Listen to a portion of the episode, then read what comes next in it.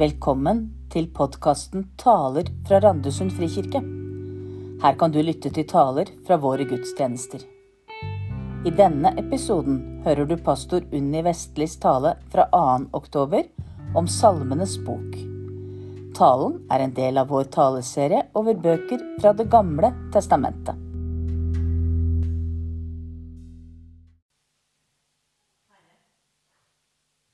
Herre, jeg søker tilflukt hos deg.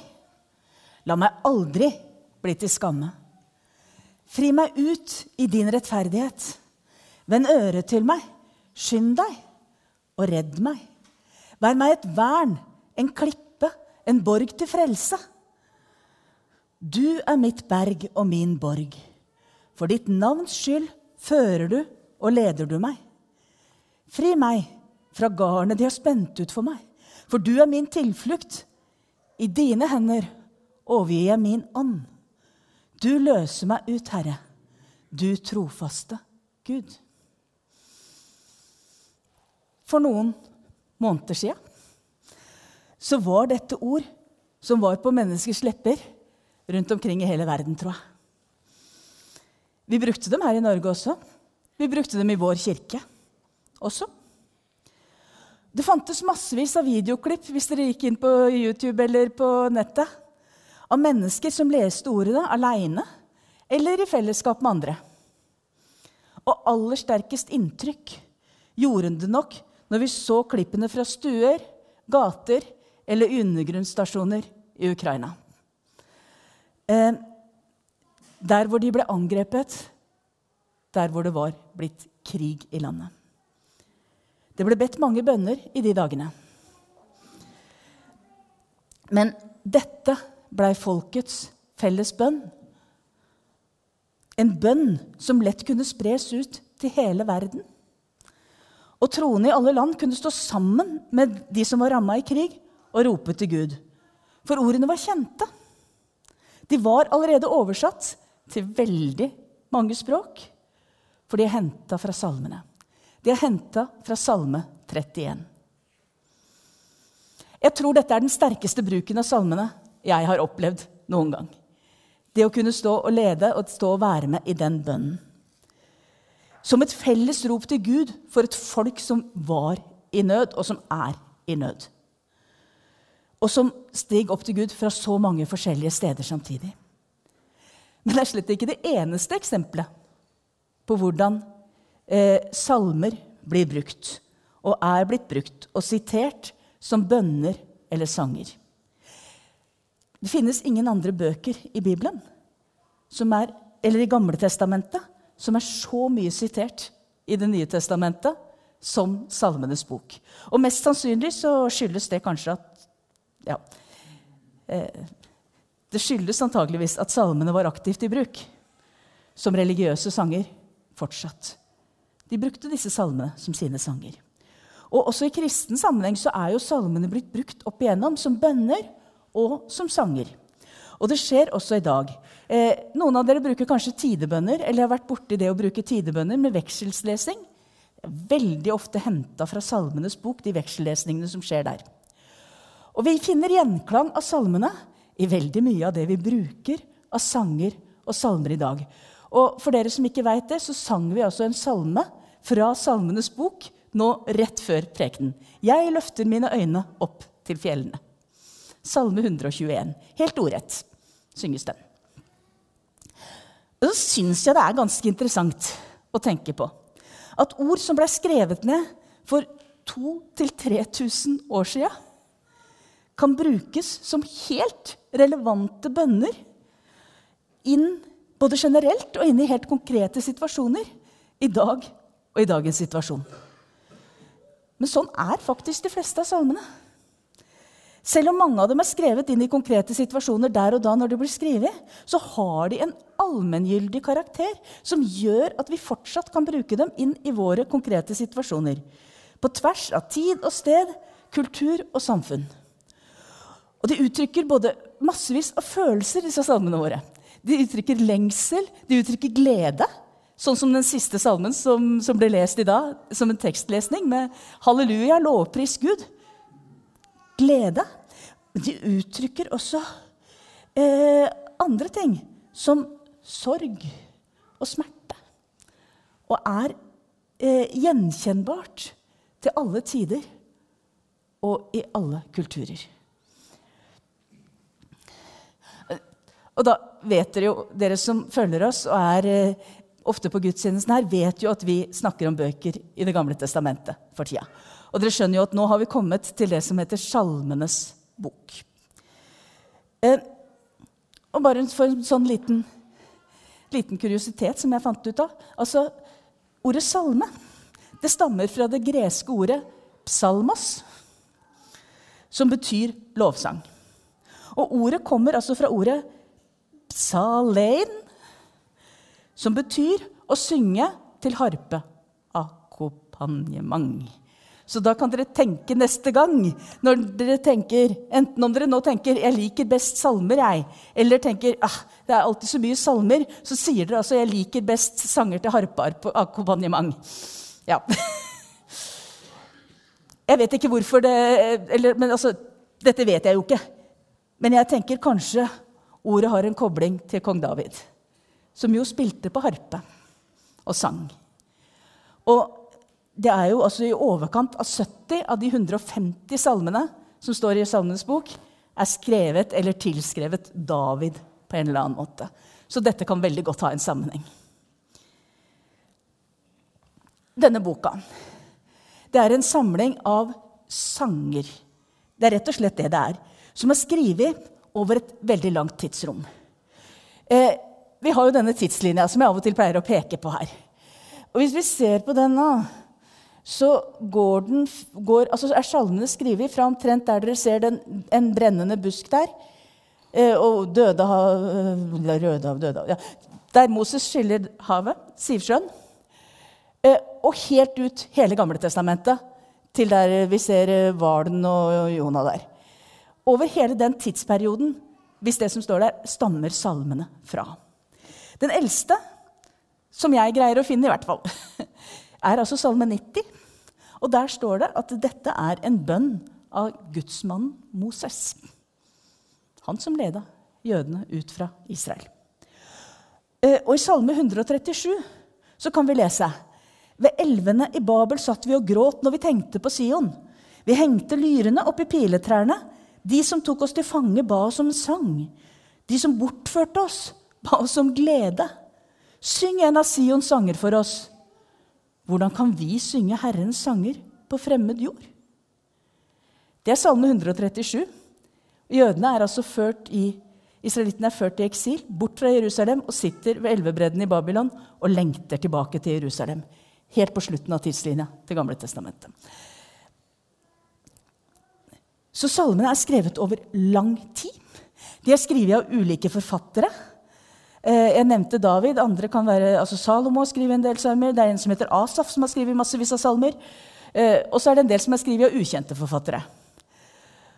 Eh, og boka er ikke en sammenhengende bok hvor vi kan følge en historie fra A til Å. Det er ikke sånn at den eldste salmen kommer først, og den nyeste til slutt. Og jeg sier David har skrevet mange av salmene. Mange av Davids salmene er skrevet inn i konkrete situasjoner fra hans liv. Men du finner ikke den første hendelsen først og så den siste hendelsen i Davids liv til slutt. Eh, de står litt sånn hulter til bulter i forhold til tidslinje sånn. Og Sjøl syns jeg det er vanskelig å finne noe systematikk som jeg på en måte lett kan gjengi i hvordan Salmenes bok er bygd opp. Den er delt inn i fem bøker, men jeg greier ikke helt å se hva som er forskjellen på de fem bøkene. Men, ja, og litt sånn. Så tenkte jeg at i dag eh, Så skal jeg ikke tale så veldig lenge, håper jeg. Eh, og jeg tror ikke jeg skal bruke så veldig mye tid på å snakke om oppbygning, hvorfor salmene står sånn som de gjør. Altså de tekniske sidene ved det. Jeg har mer lyst til å bruke tid på spørsmålet hva er det som preger salmenes bok. Hva er det som preger innholdet i denne boka? Og hva er det som gjør at den er anvendelig til alle tider? sånn som jeg har sagt nå. Hvordan kan en sang være så anvendelig så lenge etterpå? Og for det første Jeg har to ting som jeg tenker at er viktig i den sammenhengen. Det første tror jeg at det handler om at vi har beskrivelser av Gud og hvem han er, veldig mye i salmene. Og de beskrivelsene av hvem Gud er, det er uforanderlige sannheter. Det gjelder om vi levde 900 år, eller 900 år før Kristus, eller om vi lever 2000 år etter Kristus. For Gud er den samme. Så disse beskrivelsene av Gud er sannheter som vi kan forholde oss til fortsatt i dag. Eh, Gud lovprises for den han er. Han lovprises fordi han er verdens skaper og allmektig opprettholder. Eh, F.eks. Salme 104, hvor skaperverket framheves, og hvor det står 'Herre, hvor mange dine gjerninger er'. Og alle har du gjort, med visdom. Jorden er full av det du bærer fram. Gud, skaperen, prises. Og så holder Gud fram som livets faste holdepunkt i alle situasjoner. Det er han vi kan stole på uansett hva som skjer. Hvilke tider vi lever i, eh, og, og hva som skjer i vårt liv. Han beskrives som et borg. Han beskrives som en klippe eller som et berg. Altså det som står fast, selv om alt annet rokkes rundt oss. Eh, Salme 62 er et godt eksempel på det, for der gjentas denne strofen om igjen og om igjen, nesten som et refreng i en sang. Bare hos Gud er jeg stille. Fra Han kommer min frelse. Bare Han er min klippe og min frelse og mitt vern. Jeg skal ikke vakle, sier David i denne salmen. Og så uttrykker salmene en grenseløs tillit til Gud. Jeg fortsetter i Salme 62. En gang har Gud talt. To ting har jeg hørt. At makten tilhører Gud, og at all miskunn, Herre, tilhører deg. En, og Hvis vi leser salmene og leser det i sammenheng, så vil vi gang på gang se denne store store tilliten til Gud. Eh, vi så den i den salmen vi sang også, 121. Hvor skal hjelpen min komme fra? Den kommer fra Gud. Han skal alltid lede meg. Det gjentas om og om igjen. Så jeg tenker, Det er den første grunnen til at salmene våre framstår som evige og uforanderlige. For de er, gir uttrykk for allmenngyldige sannheter om Gud som gjelder utenfor tid og sted. Og alle som lytter til disse salmene, oppfordres til å følge ham. Salme 1. Salig er den mann. Og så fortsetter de å si 'den som følger Guds vei'. En oppfordring til å gå på Guds vei. Han som har all makt. Men så er det en grunn til til at salmene eh, er så eh, lette å bruke i alle sammenhenger. Og det er at de omhandler et så vidt spekter av menneskelivet. På alle, alle måter. Eh, og jeg tenker at vi kan finne salmer som vi kjenner oss igjen i, nesten uansett hvor vi er i livet. Eh, vi finner fortvilelse. Vi finner sinne. Vi finner frykt. Vi finner angst. Vi finner rop om rettferdighet og lengsel etter at Gud skal gripe inn, både i eget liv og i verden som helhet. Og vi finner glede og lovsang og dans. Og like lite som Gud har forandra seg, like lite som det som står om Gud, er allmenngyldige sannheter om hvem han er, så har menneskers følelser forandra seg. De er de samme fortsatt i dag. Og Derfor så kan vi altså nesten alltid finne en salme vi kjenner oss igjen i. Om vi er glade, om vi er sinte, om vi er deprimerte, om vi er fylt av angst og uro. Ja, til og med når vi er sinte på Gud og lurer på hvorfor i all verden han ikke griper inn i livene våre, så kan vi finne en salme som gjenspeiler noe av det som gjelder livet vårt. Noen få eksempler. Den frykten som David kjente når han var på flukt fra sine fiender for 3000 år siden. Han var jo stadig på flukt fra fiendene sine. Eh, han levde jo som fredløs i ørkenen i mange mange år. Og var på flukt fra Saul og fra filisterne og fra amalekittene og fra ganske mange forskjellige eh, underveis der. Og nå, når han er på flukt, så uttrykker han sin, sin frykt og sin angst. Den gjenkjentes av ukrainerne i år. Så når David sier Livet mitt ender, i sorg, årene mine i klage. Min styrke svikter på grunn av min skyld, og knoklene mine svinner. Jeg blir til spott for fienden, til hån for naboene, en redsel for dem som kjenner meg, de som ser meg på gaten, viker unna. Som en død er jeg glemt av mennesker, lik et kar som er kasta bort. Det er ganske stor fortvilelse som uttrykkes i ordene her.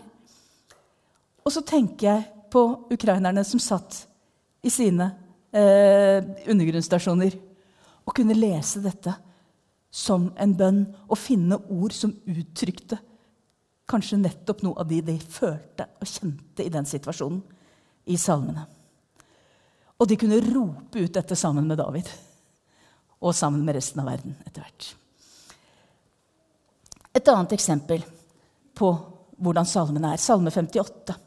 Den begynner med en beskrivelse av de som har makt i verden.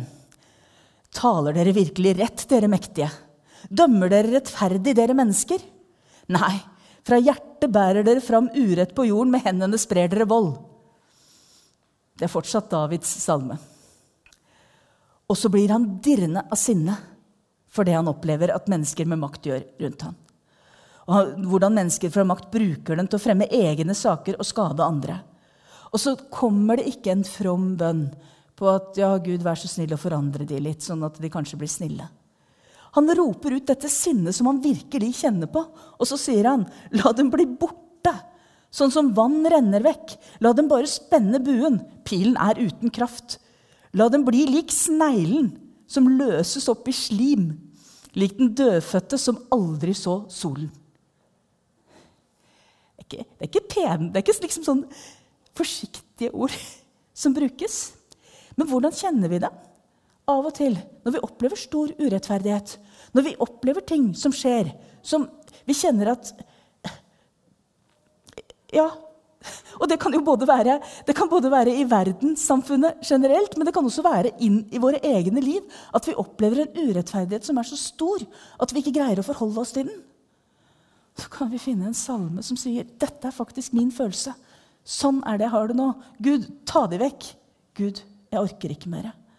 Vi har en tendens til å ville hoppe over sånne avsnitt i, i salmen når vi leser dem. Vi leser på en måte disse ordene som vi allerede har snakka om, om hvor Gud, sto, Gud, er stor, og jeg har tillit til Gud, han vil komme. Og så kommer det et sånt avsnitt, og så hopper vi litt over det, for vi syns det er litt stygt. Men det er et uttrykk for ekte følt sinne overfor urettferdighet. Og ropet om rettferdighet er et rop fra Guds hjerte.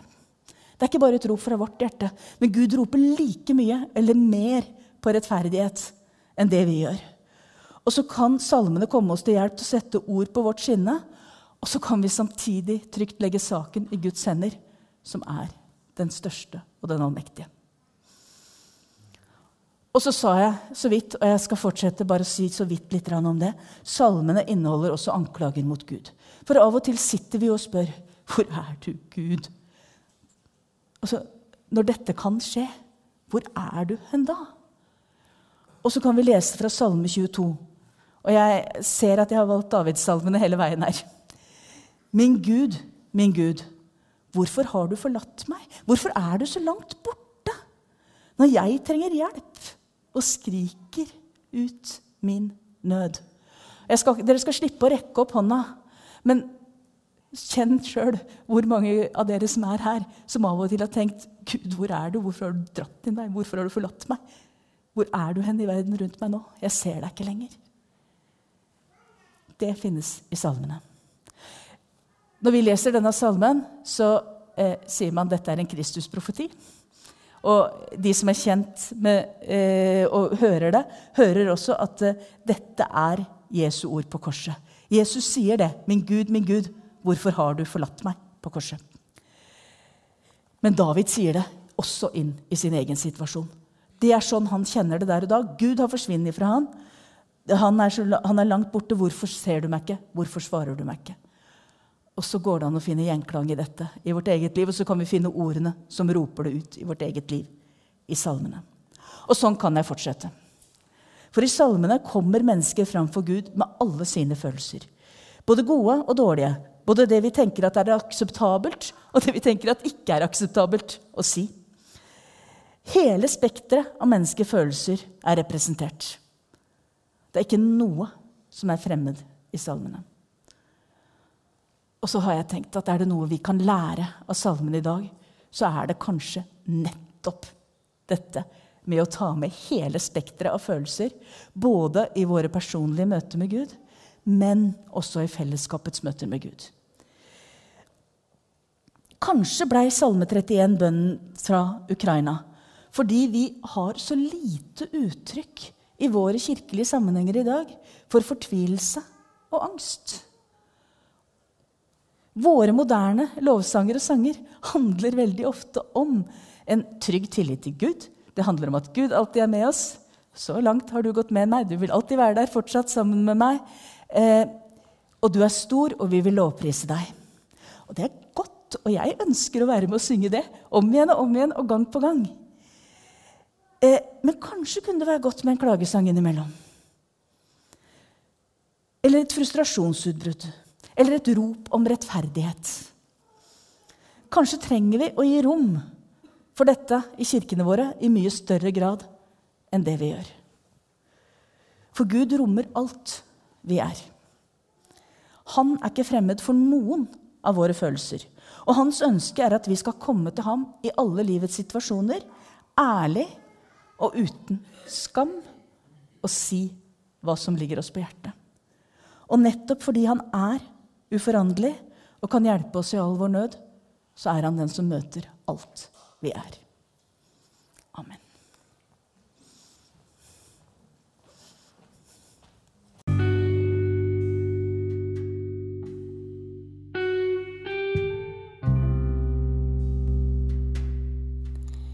Du har nå lyttet til en episode i podkasten Taler fra Randesund frikirke.